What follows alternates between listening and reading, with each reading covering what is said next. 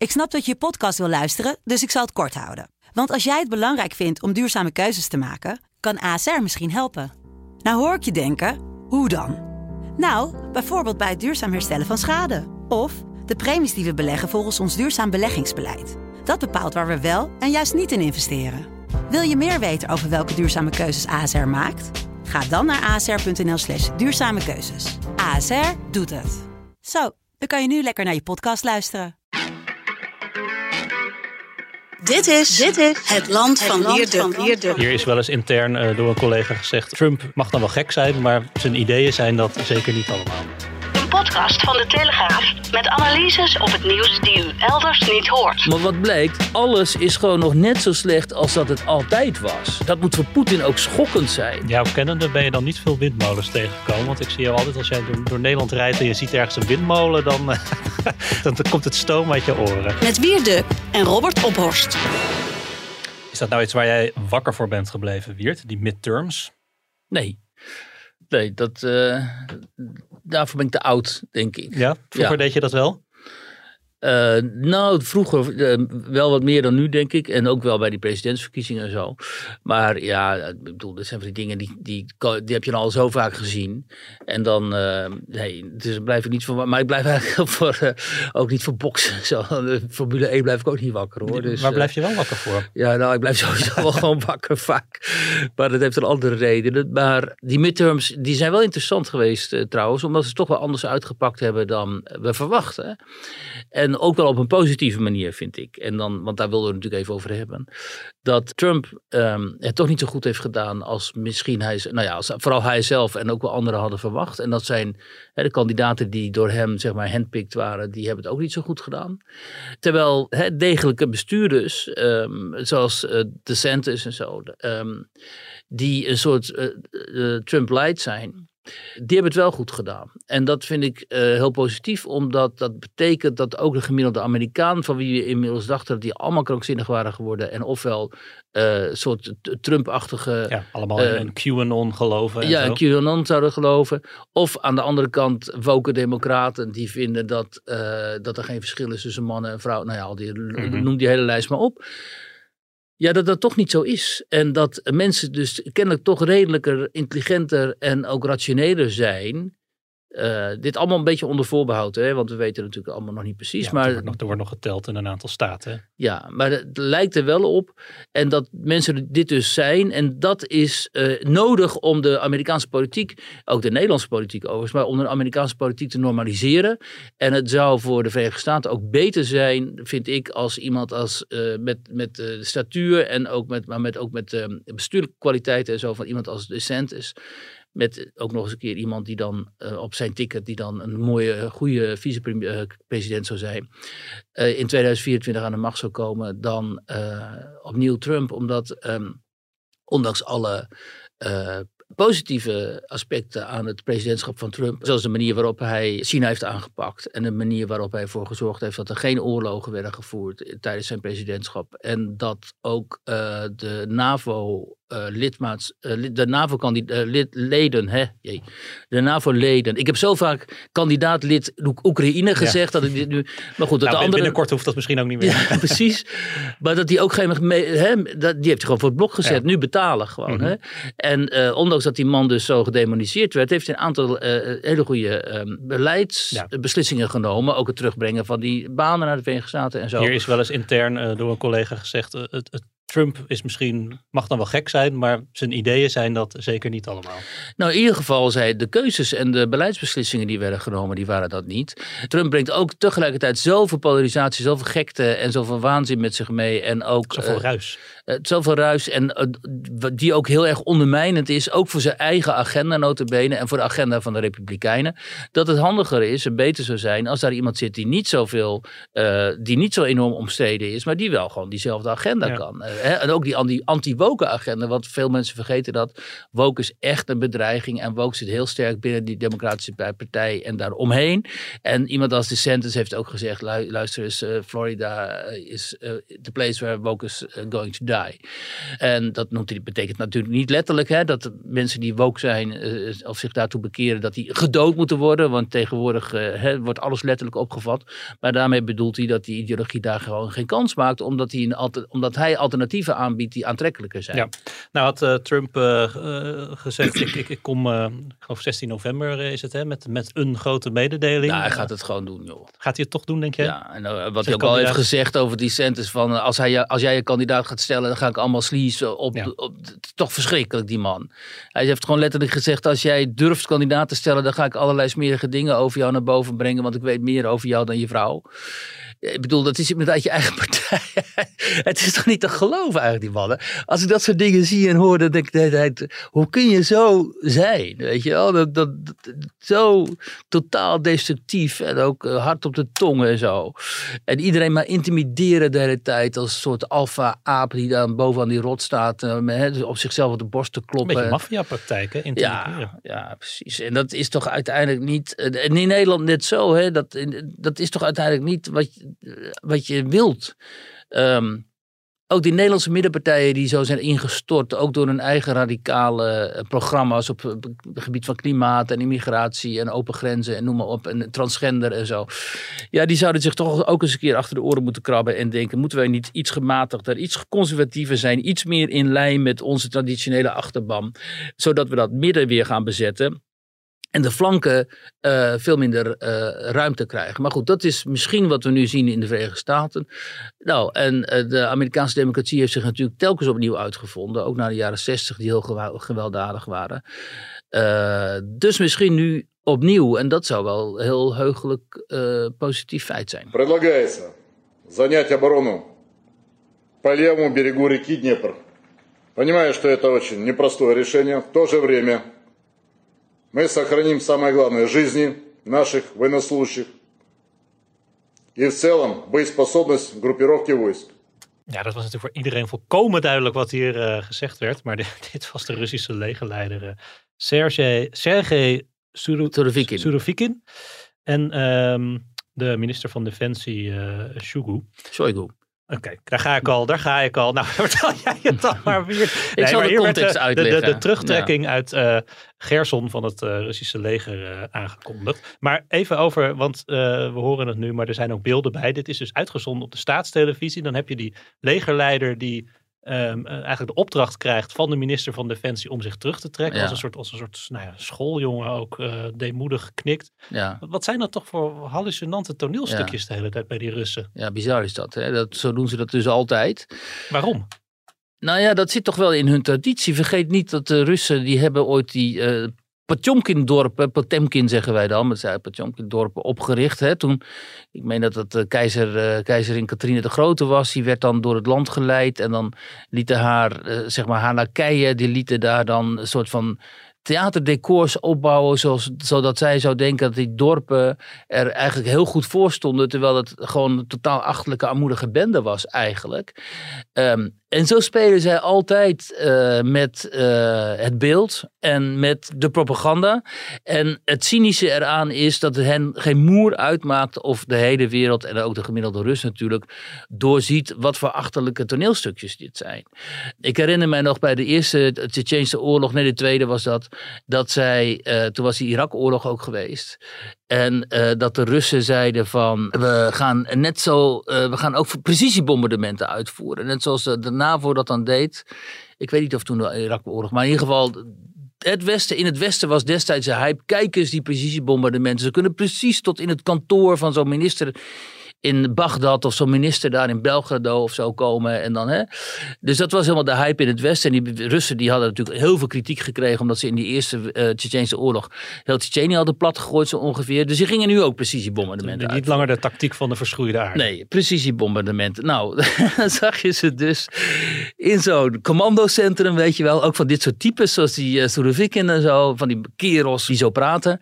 En dan lieten ze dus aan de minister van uh, Defensie, dat was destijds meen ik nog Gratjov, lieten ze zien, kijk eens hoe wij dan die bombardementen uitvoeren. En uh, dus dan zag je ook zo'n inslag en zo. En, en Russen allemaal klappen, goh, goh. Maar dat was natuurlijk helemaal niet het geval. En, uh, want ze, waren gewoon Grozny uh, aan het plat gooien. En na een week of zo was het allemaal zo doorgeprikt dat dit propaganda was. En lag iedereen gewoon in een deuk. Omdat het zo duidelijk was dat die propaganda totaal niet overeenkwam met de werkelijkheid. Dat ze weer hebben gezegd, ah weet je wat, dan wij, uh, laat maar zitten ook. En we, gooien gewoon de hele boel plat. En die precisiebombardementen en zo. We vergeten het. Kijk, dat is typisch Russisch. Totaal roekeloos, onverantwoordelijk. Maar tot op een zeker punt willen ze die schijn dus ophouden. Dus dan komt er zo'n demoedige uh, nou ja, dienaar van de macht, deze man dan, die legercommandant. En die moet dan tegen de, de meneer van die het Kremlin hier vertegenwoordigt, uh, Shoigu, moet hij dan heel deemoedig zeggen wat ze gedaan hebben. En dan gaat Shoigu zeggen, uh, voor hetzelfde geld was dat Poetin.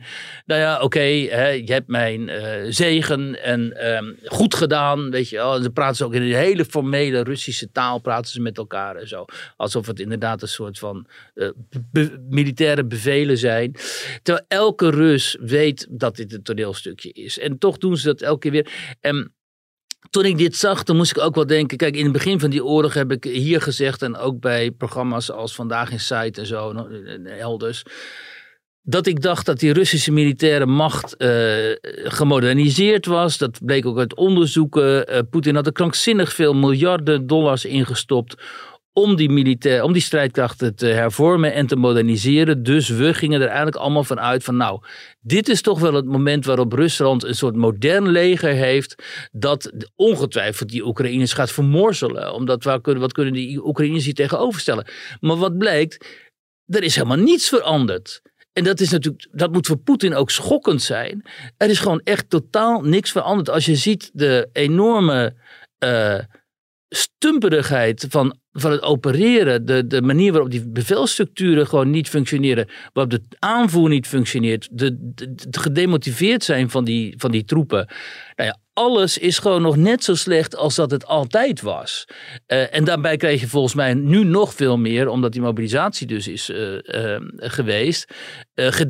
mannen die totaal niet gemotiveerd zijn en die denken, ja wat doe ik hier eigenlijk? Ga ik zo meteen tegen zo'n Oekraïne staan te vechten die in principe dezelfde taal spreekt, uit dezelfde cultuur komt als die gewoon mijn buurman zou kunnen zijn. En moet ik met hem gaan vechten?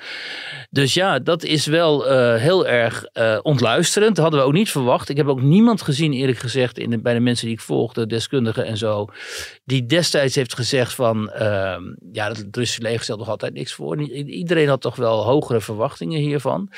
Uh, ja, en nu zie je dus met het terugtrekken uit Gerson, wat de enige provinciale hoofdstad was die de Russen in handen hadden daar in dat gebied. Ja, en een belangrijke stad, hè, levensader naar Kiev wordt het ook genoemd. Ja, ook wel. Ja, want omdat de toevoer loopt via, via die regio, zeg maar. Uh, vanuit het zuiden naar het noorden, naar Kiev. En vanuit de andere kant, vanuit het, uh, dat is dan het oosten naar het westen, ja.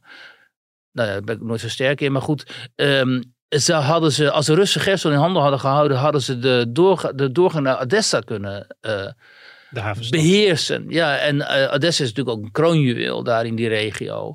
Uh, en als je dat in handen hebt, ja. dan is het ook wel, uh, een, heeft het ook wel prestige. Maar als je Gerson moet prijsgeven. En nog steeds is het niet helemaal zeker of het nou werkelijk gebeurt of dat een valstrik is. Maar goed, laten we eruit van uitgaan dat het wel gebeurt. Ja, dan heb je toch wel dan moet je inmiddels gaan zorgen maken als Rus of die Oekraïners ja. zo meteen niet de Krim gaan uh, bombarderen. En Gerson was in de, is in het denkbeeld van Poetin ook een, een Russische stad, toch?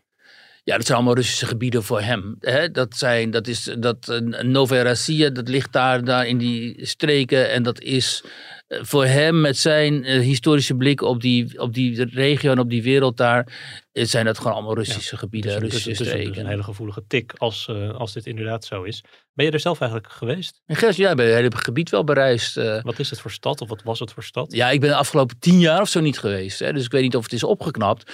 Maar in de tijd dat ik daar kwam, uh, Odessa en noem maar op, die andere steden daar, waren dat wel mooie steden. Maar je zag heel duidelijk ook gewoon de, de wonden van het Sovjet-communisme nog. Hè, de verpaupering, armoede en industrie en zo. En dan. Um, maar je kunt door, door al die armoede heen en armoedigheid moet ik eigenlijk zeggen heen, zag je ook wel dat dat wel een, een mooie steden zijn, kunnen zijn daar. Vooral die havensteden natuurlijk. En, en het is een enorme mix van culturen. Het zitten heel veel Griekse invloeden, heel veel invloeden uit Rusland natuurlijk, gewoon Russisch, hè. maar ook Oekraïens en elders. Dus ehm, daar komt van alles samen daar. In, in, het Joods, hè, in Odessa bijvoorbeeld, we hadden een hele grote Joodse gemeenschap altijd. Dus daar komt, ehm, dat zijn multiculturele eh, gebieden. Nou ja, eh, in ieder geval die steden. Ja. ja. Ja. Het is ook een beetje de vraag hè, wat, wat de Russen nu achterlaten. Zo'n bezette stad. Ja, dat is. ehm, Want kijk, in mijn ervaring laten ze dus altijd eh, geplunderde en eh, kapotgeschoten steden achter. En ehm, eh, dat zal ook nu wel het geval zijn. Hoewel. ehm, kijk, als je, die, als je echt een slag om Gerson had gekregen, dan was die stad natuurlijk totaal verwoest geraakt. Zoals andere steden wel verwoest zijn geraakt. Ehm, maar ja, je mag hopen. Kijk, uiteindelijk. ehm, mag je hopen dat dit het begin van het einde is van deze oorlog eigenlijk. Dus dat dit toch een markeringspunt zou kunnen worden.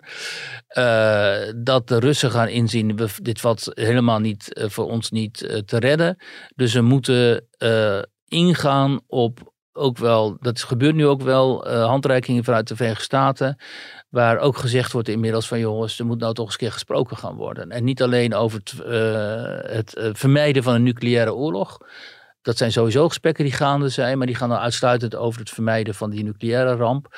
Maar ook over hoe we hier nou uiteindelijk een, ja, hier uit gaan komen via diploma- diplomatieke weg.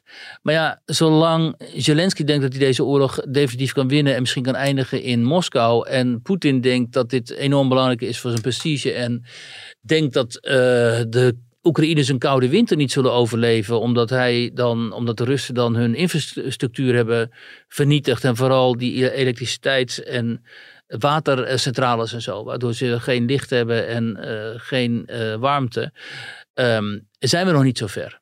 Maar uiteindelijk gaat dat natuurlijk toch gebeuren. Alleen ehm, wie houdt deze winter het langste vol? Is dat, zijn het de Oekraïners die in de kou zitten? Of eh, gaan zij, en terwijl zij ondertussen toch misschien die Russen nog eens een keer klop gaan geven? Of zijn het de Russen die achteroverleunen en denken van joh, we, we, we hongeren jullie gewoon uit. Ja. En eh, dan komen jullie wel over de brug. Ik denk dat ze in Kiev ook wel kijken naar hoe er in Europa, hoe Europa de winter doorkomt. Hè? Want als hier in allerlei steden eh, mensen de straat op gaan, niet, niet onze oorlog, niet mijn oorlog, dan is dat ook slecht voor de steun. Nou ja, dat horen en zie je steeds Oekraïne vaker. krijgt. Ja, ik zat gisteren van, eh, vandaag bij Vandaag in Site en dan zegt ook Johan Derksen van joh, die Zelensky begint mij een beetje te irriteren, want hij eist zoveel. En dat vind ik ook wel ingewikkeld, want de Zelensky ei- eist, blijft inderdaad maar eisen. Hè? Het is ook zelden dat hij zegt, joh, we zijn zo dankbaar en zo. Het is de hele tijd, geef geld, geef nog meer wapens. En dan komt eh, Champagne, die komt er dan op zijn knieën daar in dat paleis, of waar het ook is. En dan gaat hij eh, Zelensky zijn Oscar geven. Ik weet niet of je dat gezien ja, hebt. nee, verschrikkelijk. verschrik- Over toneelstukjes gesproken. Echt. En heel deemoedig van neem in godsnaam die Oscar, dan is er een stukje van mij hier bij jullie en zo. En dan Zelensky, nou oké, dank je. Of Mark Rutte, die de, gisteren, dat meen ik. Althans, ik zag gisteren die video waarop Rutte dan Zelensky belt. En ook zegt, ja, we blijven jullie steunen. En ook na eh, de winter blijven we jullie steunen en zo. Dus dan denk ik, nou dan kun je direct maar een eh, heel eh, deel van onze begroting die wij met z'n allen ophoesten, kun je maar vrij, al- direct vrijmaken voor steun aan Oekraïne. En, maar hoe lang, eh, ja, wat je zegt, hoe lang gaan de gemiddelde Nederlandse eh, burgers dat dan nog een goed idee vinden? Maar ja, vooralsnog blijkt uit peilingen telkens, is die steun gewoon echt eh, hè, eh, Nou ja, Zelensky is groot. natuurlijk wel een, een hele slimme commu- communicator ook tot nu toe gebleken. Dus dat is natuurlijk ook een man die in de manier waarop hij de wereld tegemoet treedt, toch af en toe wel wat deemoedigheid zou eh, kunnen laten zien om ook niet al te arrogant en te veel eisend over te komen. Ja, ik vind het wel fascinerend eigenlijk dat hij helemaal niet denkt dat hij die deemoedigheid zou moeten tonen. Hè? Dus hij heeft echt zoiets van, eh, ik strijd hier voor jullie. Eh, ik vecht hier voor het behoud van de vrije wereld tegen een soort Satan uit Rusland. En kom maar over de brug. Eh, en kijk, en de Amerikanen tot nog toe, die deden natuurlijk ook alles aan om hem dat gevoel te geven. Zo van, joh, jij, hè, jouw leger, fantastisch leger, op de duur mogen jullie bij de NAVO. Dan heeft de NAVO er een fantastisch leger bij. Notabene eh gehard op het slagveld. Hè? Nou, eh, beter kun je niet wensen, toch? En dan ook nog eens een keer heel groot en zo. Eh, met prima commandanten. Dus bij de NAVO zit ze al helemaal gewoon de handen wrijven. Van de Oekraïne krijgen we erbij. En de Amerikanen vooral, omdat die uh, dus uh, al heel lang uh, Rusland ook op de knieën willen hebben. En Poetin heeft hen een uitgelezen kans gegeven door die invasie. En die Amerikanen zeggen, en nu doorstoten. En de Oekraïners doen het vuile werk voor ons. We hoeven alleen maar wapens te leveren en geld. En op den duur dan hebben die Oekraïners voor ons gewoon die oorlog gewonnen, zo denken zij. En dan hebben wij geen last meer van Poetin. Dan kunnen we ons op China gaan richten. En ondertussen hebben we wel die hele energiemarkt zo ongeveer, nou ja, althans die hele energiemarkt van Rusland naar het westen toe, naar Europa toe, die hebben geblokkeerd. Dus wij hebben er weer heel veel afzetgebieden bij. Uh, zo denken zij. En Zelensky voelt zich daardoor natuurlijk enorm in de rug gesterkt. Hè, die denkt dat hij, ja, die ziet zichzelf natuurlijk een beetje als soort, soort mede-president dan van, nou ja, dat kan ik niet zeggen, maar in ieder geval als, uh, als een westerse... Als een vooruitgeschoven post. Vooruitgeschoven post en als een authentieke westerse Europese held ook, weet je wel. Uh, en, en misschien is hij dat ook wel. Hè, dat, uh, wie ben ik om te zeggen dat die niet zou zijn. Maar de vraag is wel hoe lang onze burgers dat ook nog willen geloven. Hello, my name is Louise. I'm 24 years old. And I'm here. I'm here because I don't have a future. And you might hate me for doing this, and you're entitled to hate me. Why does it take young people like me up on a fucking gantry on the M25 for you to listen? Ja, dat weertje zat een beetje te lachen, maar we hoorden hier een uh, activiste van, van, van Just Stop Oil. uh, een klimaatactiviste, Britse, die een, een snelweg uh, blokkeert. Uh -huh. En daar nogal geëmotioneerd ook door raakt. Absoluut. Ja, we hebben het hier ook even over, omdat jij samen met collega Marcel Vink aan een verhaal bezig bent voor de Zaterdagkrant. En Marcel is ook even aangeschoven om daarover te vertellen. Um, ja. Ja, het gaat een beetje over de dubbele moraal van onze klimaatridders. Moet ik dan denken aan uh, dit, dit soort types ook? Uh, ja, dat uh, moet je aan dit soort types denken. Ehm, wij hebben ons wel vooral gericht op, uh, op veel mensen die bekend zijn, hè, bekende Nederlands of enigszins bekend. dan gaat het om mensen die dus inderdaad geregeld roepen dat wij met z'n allen niet moeten vliegen, dat we duurzaam moeten leven, energiezuinig, noem maar op maar er zelf toch een iets andere moraal op uh, Ja, de vraag is dan eigenlijk, wat, wat doen ze zelf aan het klimaat? Ja, nou ja, inderdaad. Dus, uh, dus in dat opzicht een uh, soort van spiegel voorhouden. Ehm, en we hebben die mensen uiteraard netjes om een, een weerwoord gevraagd. en nou ja, goed, de meeste mensen die reageren daar heel netjes op. Maar het kan ook gebeuren dat iemand daar ja, toch iets anders iets meer geprikkeld op reageert. maar ze bedoelt eigenlijk te zeggen dat, dat sommige mensen best wel woedend worden als je hen wijst op het feit dat ze nogal hypocriet zijn door ons, zeg maar de gewone man, te dwingen om zo min mogelijk te reizen en zo, geen vlees te eten en allerlei energielabels uh, te verzorgen voor je huis, terwijl ze zelf dus in de kast van een huis met de energielabel F of zo wonen. Ja, en de hele wereld overvliegen. Dat is vooral het leuke aan die klimaatmeisjes, zoals dit kind ook daar op die brug daar in Engeland. In Nederland heb je daar ook een heel groot aantal van. Die die, die ketenden zich vast uh, hè, zo ongeveer aan die vliegtuigen op Schiphol. En als je dan de namen ziet van die meiden, vooral, en je, jongens ook hoor. En je gaat hun Instagram pagina's bekijken. Dan blijkt dat ze echt op de gekste plaats ter wereld ja. zijn geweest. Hè? Marcel nee, echt, dat klopt inderdaad. Ja, ja dat, uh, niets menselijks is uh, ook hen vreemd. Maar even naam en rugnummers. Over, over wie hebben we het dan bijvoorbeeld? Nou ja, kijk, wat wel bijzonder is, is dat iemand als Dolf Jans hebben wij ook om een reactie gevraagd. En ja, ik denk dat we bij hem een gevoelige snaar hebben geraakt. Want hij reageerde nogal geprikkeld. Uh, hij stuurde mij afgelopen nacht, ik heb nog gekeken om zeven minuten over één, nog een, eh, een enigszins eh, beledigend mailtje. Dus uh, ja, hij is daar uh, duidelijk mee bezig. Ik geloof dat hij op dit moment dat wij de podcast opnemen, is hij een, een column aan het inspreken bij de Nieuwsbv. Dus ja, daar heeft hij al gezegd dat hij op dit onderwerp ingaat. Ja. Nou, goed, maar wat, heeft, wat, wat doet Dolf Jansen dan zelf niet aan het klimaat? Nou, kijk, het gaat er meer om dat hij uh, een tijd geleden heeft gezegd dat uh, mensen zelf goed moeten nadenken wat ze wel en niet willen doen. En hij heeft erbij gezegd dat, uh, dat je je niet moet laten leiden door commercials die gaan over vliegreizen. Hè? Dus met andere woorden, boek, boek ze vooral niet. Mm -hmm. Nou ja, goed, hij heeft zelf een, een huis in Ierland en hij heeft ons verteld dat hij daar in de afgelopen 40 jaar daar geregeld naartoe is gevlogen. Dat vloog dus je ja. echt al als klein kind, hè? Ja, Want, nee, eh, inderdaad, 40 eh, jaar vliegen, dat is... Hoe oud eh, is hij dan? eh? Ja, dat moet hij 60 zijn of zo, denk ik. Of, of hij vloog al met hè, als kind eh, daar naartoe. dat zou kunnen inderdaad. Ja. Ik vroeg me dat ook af. Maar ja, hij heeft dat geregeld gedaan. En eh, nou ja, dat is eigenlijk de vraag die wij hem hebben voorgehouden. Dolf is Ehm, 59 trouwens. Leert een, ik eh, weet- een, ja. een, een snelle zoek, zoek, Ja. zoekslag mee. Ja, ik kan dat allemaal niet door wat jij nu allemaal doet. Ja. Nee, dus eh, ja, opmerkelijk. Maar hij eh, voelde zich eh, duidelijk eh, aangesproken hierdoor. Dus. Nou is er natuurlijk ook eigenlijk geen, geen modern mens eh, dat nooit heeft gevlogen, toch? Nou, dat zou je misschien denken, maar eh, onder mijn volgers op Twitter bijvoorbeeld zijn er heel veel mensen die zeggen: Ik heb nog maar één of twee keer in mijn hele leven gevlogen. En die zijn nog wel 60 of zo. Hè? Hm. Dus er zijn veel meer mensen, denk, kennelijk, dan je denkt, die eh, vliegen eh, vermijden of gewoon helemaal niet naar landen gaan waar Ja. je naartoe moet vliegen en zo. En dan vanwege de kosten. Ja, of gewoon geen zin. Of waarom zou ik naar Frankrijk vliegen of, of Italië? Ik denk dat dat de landen zijn waar ze dan op vakantie gaan. En die komen verder nooit. eh, die zijn dus niet zoals die klimaatactivisten in de Filipijnen geweest. Of in Thailand. Of in Malibu. Ja, of die- weet die ik veel waar die allemaal geweest zijn. Die pakken gewoon de auto naar Normandië of zo, ja. En dat is natuurlijk het hilarische aan dit hele gedoe. Die, die, die millennial generatie en wat het da- daaronder zit, met al die gap years en zo. Ja. eh, Die, en, en met, hè, die komen ook meestal uit van die rijk linkse kringen, dus die hebben gewoon veel geld.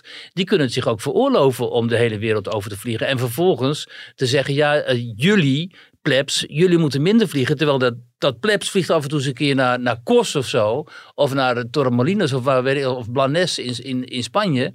En dan houdt het wel zo ongeveer op, want die moeten gewoon werken de rest van het jaar. En eh, nou, dat wilden we toch wel even eh, laten zien. Ehm, nou, en dan heb je ook best wel leuke reacties, eh Marcel, hè, zoals van Floortje Dessing. Die, Ja, eh, die, eh, die was heel schuldbewust. en die heeft ook gezegd: Ja, ik kan het gewoon niet mooier maken dan het is. Eh, vliegen is gewoon vervuilend. Ja, Eh, Want en zij vliegt de hele wereld rond natuurlijk voor haar eh, Ja. programma's. Ja, dat vind ik ook nog wel een ander verhaal dan, en natuurlijk wanneer, eh, dan wanneer iemand heel veel privé vliegt. Dus zij heeft dat eigenlijk keurig uitgelegd. En ze zei er ook bij van ik begrijp volledig dat deze vraag mij gesteld wordt. Dus eh, ja, zij had een, eh, een, eigenlijk een hele realistische eh, kijk eh, hierop. En kijk, wat natuurlijk wel leuk is, is dat er heel veel om het verhaal te doen is. Terwijl het verhaal nog niet eens gepubliceerd is. Hè, ik bedoel, eh, dus in dat opzicht zou ik zeggen, koop die krant zaterdag. Want het, is een, eh, het wordt een, een heel erg interessant eh, verhaal. Mooi is ook noemen. wel dat die columnist eh, Sander Schimmelpenning van de Volkskrant dan, die vliegt heel veel naar Zweden, want daar woont zijn vriendin. En hij, Hij woont er zelf ook geloof hij ik. woont er zelf de helft van de tijd en zo. En dat hij dan antwoordt van, eh, ja, ik, ik, ik mag dit doen. eh, hè, althans, ik, ik kan dit gewoon met mijn geweten vereenzelvigen. Want ja, als ik de enige ben, daar komt ongeveer om neer. Hè? Als, ik de, als ik als enige het vliegtuig niet zou nemen, dan zet het ook geen zoden aan de dijk. Nou, hij zegt inderdaad, als, eh, als ik besluit om eh, niet te gaan vliegen, eh, dat vliegtuig gaat even goed wel. Oh ja. Dus, dus het maakt niet zoveel eh, Nee, uit. dus ik schuif ook dan, nog even eh, aan. Ja, dus of ik nou wel of niet dat ticket eh, koop, dat, dat maakt dan niet zo heel veel uit. En nou goed, hij heeft het over eh, het systeem, dat dat moet veranderen. Eh, wat wij natuurlijk doen, of, of eigenlijk zeggen, is van ja, je zou ook het goede voorbeeld eh, kunnen geven. Als je inderdaad regelmatig dat eh, bestraffende vingertje omhoog heft. Ja, dat doen ze dus niet allemaal. Nou, je zei het zelf al hè. Koop die krant zaterdag. Ja, absoluut. Waar was Wiert? Ja, ik zit even te kijken. Waar, waar was het nou precies? In Mil, met In twee Mil. L's, Ellen. Waar ligt dat? Ja, in eh, Brabant. Had ik moeten weten. Onder Den Bosch. Nee, ja, Nijmegen. eh, onder Nijmegen is dat. Ja, oh. Nou, wat een. Ik verwijt mensen, andere mensen altijd dat ze topografie niet kennen en dan weet ik het zelf ook niet. Ik moet je zeggen, eh, ik mag dan veel door Nederland rijden en zo, maar dat, dat deel van Nederland ken ik veel minder goed. En ik was daarna ook nog even in de Betuwe. Het ligt, het ligt onder Nijmegen. Onder Nijmegen, ja.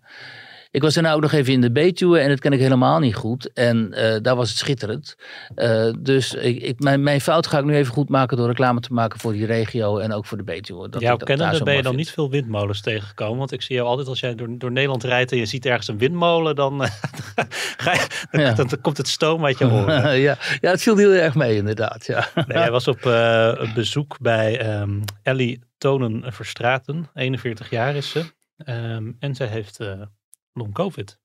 Ja, en want we wilden toch weer eens een keer iets doen aan die long-covid-epidemie.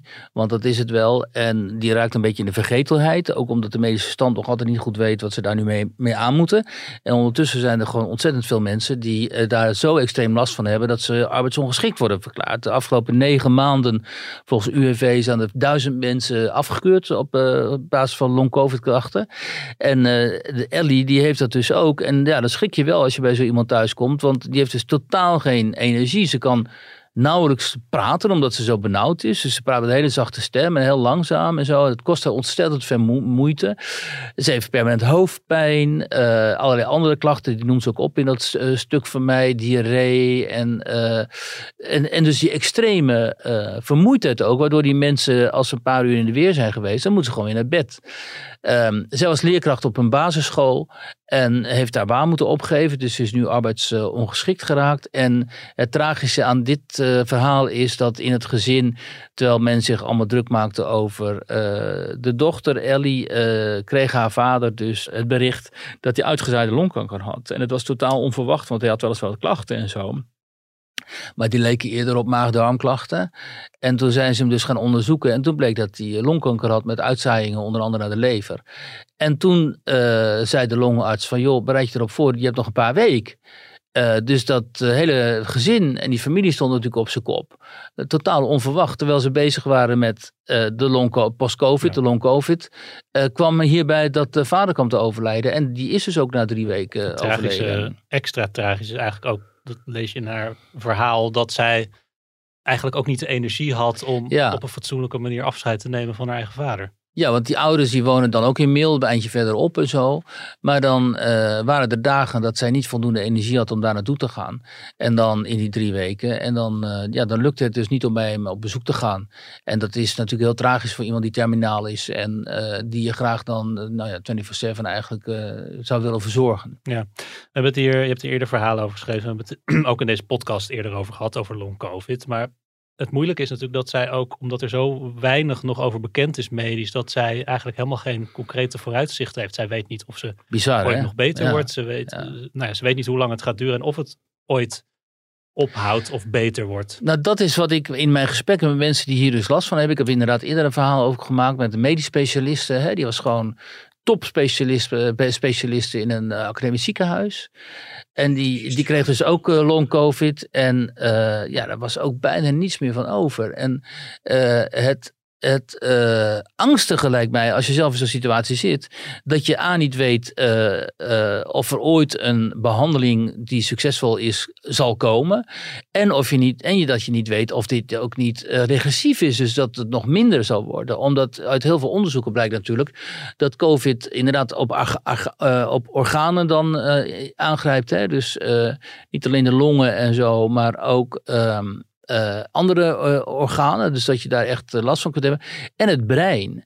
En zoals Ellie ook, die kan niet meer lezen. Want na een aantal regels, zegt ze, een aantal zinnen, dan is ze de draad kwijt. Dan snapt ze helemaal niet meer wat er staat. En ze is vergeten wat daarvoor staat. Je ziet ook als je bij haar thuis bent, een, een briefje liggen, een heel lang briefje met allerlei dingen die erop staan. Voor de thuiszorg, die de thuiszorg moet doen, omdat ehm, zij die dingen vergeet. Dus het is, dat heeft een beetje Alzheimer-achtige trekjes. Ehm, en en die, dat uit medisch onderzoek eh, komt maar niks. Wel van, ook bij haar bijvoorbeeld, haar longen zijn gecheckt. En zegt ze, ja, maar ze vinden niks. Ja, wel dat mijn longeninhoud wat minder is, wat matig. Maar ze vinden niet de reden dat ik zo extreem benauwd ben en pijn heb op de borst en zo. Ja, ja, en dat moet natuurlijk heel beangstigend zijn. Bovendien ook nog eens omdat er dus een deel van de samenleving, hè, dat meer geradicaliseerde anti-coronamaatregelen deel, eh, dat heel erg gevoed wordt ook vanuit Forum voor Democratie en zo. Eh, dat ontkent gewoon dat eh post-COVID een legitiem syndroom is. Die zeggen van ja, dat is allemaal aanstellerij. Daar moest ik dan wel weer om lachen. Daar, daarvan zegt zij van, ja, en dan ga ik me niet bezighouden. Daar heb ik geen energie Nee, voor. is de energie niet voor. Maar, ehm, Maar- dat, zijn dan de, de, de- dat is dan de extreme tak. Maar ik kan me ook voorstellen, nou laat ik het zo vragen. Ervaart zij veel begrip en steun van, van, van uit, haar, uit de rest van haar omgeving? Ja, dat bedoel, wel. Ja. Het is eh, natuurlijk wel een ongrijpbaar, ongrijpbare ziekte. Ja, dat is zo, ja. En, eh, maar zij zei haar afscheid op school. Er waren toch wel heel veel eh, collega's gekomen. Dus er is veel steun van. En van familie en vrienden ook.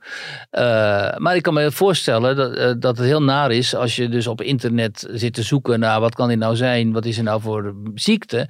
Dat je dan ook heel veel geluiden ziet van mensen die zeggen. Ja, dat zit allemaal in je hoofd. Net zoals dat veel mensen die dan dat ehm eh, vermoeidheidssyndroom hebben. de- die worden ook niet geloofd vaak. Daarvan wordt ook va- vaak gezegd. Ja, je laat je gewoon afkeuren omdat je lekker thuis wil zitten. En je wil gewoon niet werken. En, eh, hè, en eh, dit, er is medisch niks aan te tonen. Ehm, maar goed, inmiddels weten we wel, hè, ook, ik meen dat de, de WHO ook heeft gezegd, joh, 10 tot 20 procent van de mensen die COVID heeft gehad, die raakt, eh, zit op, na langere tijd nog altijd met eh, klachten. Dan eh, gaat er van smaakreukverlies tot aan druk op de borst, tot aan benauwdheid en zo. Dus het is, dit is in overduidelijk natuurlijk gewoon een concreet, eh, concrete situatie. Maar in principe dan moet je er ook voor openstaan als er een vrouw en een man met een islamitische baard en de niqab naast je komt wonen. Want dat is ook, dat is ook anders en die doen ook wat zij willen. Sta je dan, sta- ben je daar dan ook voor? Ja, ik ben daar, eh, ik ben daar, heel, eh, ik ben daar heel open in. Ik ben daar heel ontspannen in. Ja. Ik, wil wel een onderscheid maken. Ik weet dat er ook in de islamitische gemeenschap eh, eh, echt een ontwikkeling nog door te maken is over onderdrukking en eh, huiselijk geweld. En, maar ja, als iemand gewoon een, een fijne moslim is die op een serieuze manier met het geloof bezig is en daar hoort een bepaalde klederdracht bij, een bepaald soort onderscheid tussen de buitenwereld en Ja. de binnenwereld. Ja, het zijn lieve mensen. Kom op, tuurlijk. Ja, moslims waren we, maar, maar lieve, fijne moslims. En dit was eh Thierry Baudet natuurlijk in een eh, interview met eh Salaheddin Benchiki. Ja, Eh, Benchiki, YouTube, ja. YouTube interview. Ja, ik, ik kende hem niet, maar hij, eh, hij, hij is ook bekend van allerlei eh, programma's op de publieke omroep. Ja. Ehm, het ging over geloof eh, en, en, en, en, en, en het hiernamaals, als ik het, eh, als goed zeg. Maar jij wilde dit even laten horen, omdat jij een opvallende trend hier constateert binnen Forum. En dit is inderdaad, en dat wordt ook aangestipt door die interviewer, dit is wel een man die eh, in het verleden nog eh, eh, te hoop liep tegen, eh, tegen moslims, of Ja. althans tegen de radicale islam. Ik zat ook nog even te kijken. In 2017 heeft hij nog samen met Theo Hiddema een, eh, een, een manifest eh, aangeboden. De wet behoudt eh, Nederlandse identiteit. Ook in Nederland willen we geen boerka. Zonder die slogan ging hij Oh de ja? boer op, Baudet. Dus hij heeft wel een, een draai gemaakt. Dat legt hij Ja. ook uit in dat interview. Ja. Ehm, maar wat zien we hier nou gebeuren? Nou ja, daarom is het zo interessant. Ehm, eh, wat we zien gebeuren is wat, wat ik ook al eerder hier heb aangestipt in de podcast. En eh, dat is dat eh, zeg maar westerse conservatieven ehm, een soort van eh, natuurlijke bondgenoot beginnen te zien in de conservatieve islam. En dat is dan niet per se de radicale islam of zo, of de, die, die ultra-orthodoxe islam, maar in de islam als waardegemeenschap. Wat op zichzelf ook helemaal niet raar is. Omdat de islam is in essentie een conservatieve religie. Hè, waarin heel Het is duidelijk... misschien een logischer bondgenootschap dan tussen eh woke, eh, progressief links en de, en de islam. Nou, het is een veel natuurlijke bondgenootschap. Maar goed, gaan we het zo wel over hebben. Maar eh, de islam staat natuurlijk voor eh, constitutieve waarden. Hè? De, duidelijke rol voor man en vrouw. Eh, duidelijke ro- rol ook voor het gezin. Ehm, je houdt je aan bepaalde zuilen. En dat zijn ook wel een beetje een soort van fatsoenszuilen en dergelijke. Dus daarom zegt Baudet ook van... Ja, kijk, als die mensen gewoon goede moslims zijn... Wat zou ik daarop tegen hebben? Omdat hij is gaan inzien de afgelopen jaren... dat heeft hij ook wel eerder gezegd in interviews, dat die islam eigenlijk wat dat betreft veel meer aansluit bij zijn eigen conservatieve denkbeelden dan, eh, dan dat hij daarmee in strijd zou zijn. En hij zegt in dit st- stukje ook nog wel van kijk, er is nog veel. eh, er zijn nog veel dingen die veranderd zouden moeten worden en zo. Maar in essentie ziet hij daar kennelijk toch een soort van potentieel bondgenootschap. En het interessante is dat ah, die Salahuddin, die erkent dat ook. En als je kijkt naar de reacties op YouTube onder dit interview, dan zie je dus heel veel moslims die eh, dat ook vinden. En een heel groot aantal ook dat zegt van eh, ik stem sowieso al op eh Thierry Baudet en Forum voor Democratie. Want zij zijn de enigen in de Nederlandse politiek die werkelijk die macht uitdagen. En die bovendien, en nu komt het, ook allerlei ideeën die wij hebben, bijvoorbeeld over 9-11 of over andere zaken wat wij dan, hè, ik, Wierduk en jij en zo, als complottheorieën ervaren, waar zij het mee eens zijn. En dat is het ehm, interessante, fascinerende hieraan, dat inderdaad eh, binnen die eh, islamitische gemeenschap natuurlijk allerlei complotten, bijvoorbeeld over Joden, over 9-11, over noem maar op, hè, eh, de invloed van de Mossad en, en al die Ja, dingen. Wat ik wou zeggen, als je, als je het conservatieve gedachtegoed heel belangrijk vindt, dan kan je ook op de SGP stemmen. Juist, maar in dit geval eh, even nog over die islamitische gemeenschap. Die is heel conspiratief en we hebben dus afgelopen jaren ook Forum voor Democratie heel onder invloed van corona en zo heel conspiratief zien worden. En onder, in de moslimgemeenschap was dus ook heel veel bezwaar tegen het prikken, dus tegen die omdat zij ook, hè, er werden vanuit eh, door, nou ja, uit obscure groepen zeg maar, eh, obscure woordvoerders, werd ook gezegd van ja, die vaccins, dat is gewoon een manier om jullie te controleren. Dat zijn manieren om, eh, om van de overheid om invloed op jullie eh, te- krijgen en zo, van, eh, op allerlei mogelijke manieren. En dat, datzelfde narratief, verhaal, werd natuurlijk opgedist binnen Forum voor Democratie. Dus daar zit heel veel eh, overeenkomst ineens. En je zult zien dat, en dat is wat ik ook al eerder gezegd heb, dat, dat hier nieuwe allianties geboren gaan worden. Omdat natuurlijk ook mensen als Baudet en zo heel duidelijk het potentieel inzien van deze nieuwe kiezers. En wat jij zegt, of deze kiezers, en, of deze kiezersgroep. En wat jij zegt over woke en islam. Woke dat zich opstelt als een verdediger van, eh, van moslims. Hè, want die zijn ook slachtoffer, net zoals dat vrouwen en zwarte en, en transgender slachtoffer zijn en zo. Dat is een volstrekt ongeloofwaardig verhaal. En het interessante is, dat weten die, de moslims ook. De moslims zoals die Salahuddin, die zullen helemaal niks met, eh, met woke hebben. Omdat ze denken, ja, jullie zijn gewoon, jullie zijn juist de vertegenwoordigers van dat decadente, perverse, eh, progressieve Westen. Waar we helemaal niks van willen hebben. Dat porno accepteert en abortus en euthanasie en, eh, en, en eh, extended families en zo. Dat, hè, dat, dat geen problemen hebben met scheidingen en zo. Eh, al die dingen waar wij wel grote problemen mee hebben. Openlijk uitgedragen homoseksualiteit en zo. Hebben die, de meeste moslims hebben daar gewoon ernstige problemen mee. En, daar, en dan moeten ze niet bij woke zijn. Dan moeten ze inderdaad bij forum zijn. Ehm, of, en, eh, en wat jij zegt, eh, de SGP. Kijk, de SGP eh, draagt natuurlijk niet een breed conservatief wereldbeeld uit. Die zijn heel specifiek conservatief christelijk. Dus daarmee, als je SGP binnen SGP actief zou willen zijn, heb je een heel duidelijk eh verchristianiseerd zeg maar, wereldbeeld uit te dragen en te accepteren. Ja, en Baudet is geen christen, zeg hij is wel een soort van cultuurchristen, maar hij vindt dat christendom, zegt hij verder in het interview, ook best wel heel zwak. Het gedoe de hele tijd, met je andere wang toekeren en zo, moet hij niks van hebben. Nou, daar moeten moslims ook niks van hebben. Dat is veroveringsideologie. Moslims zeggen ook, nee, wij, wij zijn de uiteindelijke gekozen religie die over de wereld moet heersen. En wij gaan jullie niet de andere wang toekennen. Hou op, we gaan jullie veroveren. En we gaan ervoor zorgen dat jullie ook islamitisch worden. En als je dat niet wilt, ja, en of we jagen jullie over de kling, of je wordt een tweederangs burger en je gaat belasting betalen aan ons. Hè, daar komt het op neer. Eh, maar niks andere wang toekeren en zo. Dus ook zeg maar in die, in die eh, zeg maar veroveringsretoriek en zo, eh, zullen ze veel herkennen. En dat zou natuurlijk totaal in tegenstelling tot wat de SGP zou voorstaan. Want die hebben helemaal geen, ehm, geen eh veroveringsfantasieën. Kees van der Staaij zie hem al als kruisvader. Snap je? Dus, ehm, eh, en dit is nog niet zo vaak, we zijn ook bezig met het verhaal hierover trouwens. Dit is nog niet zo vaak geconstateerd in Nederland volgens mij.